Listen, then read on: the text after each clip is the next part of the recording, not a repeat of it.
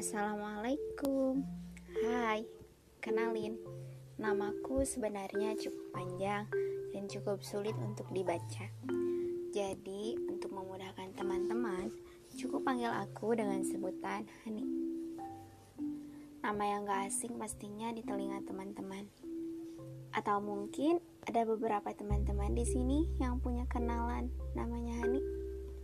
It's okay, gak masalah di sini, aku hanya ingin bercerita tentang hal-hal yang menurut aku perlu untuk didengar oleh teman-teman.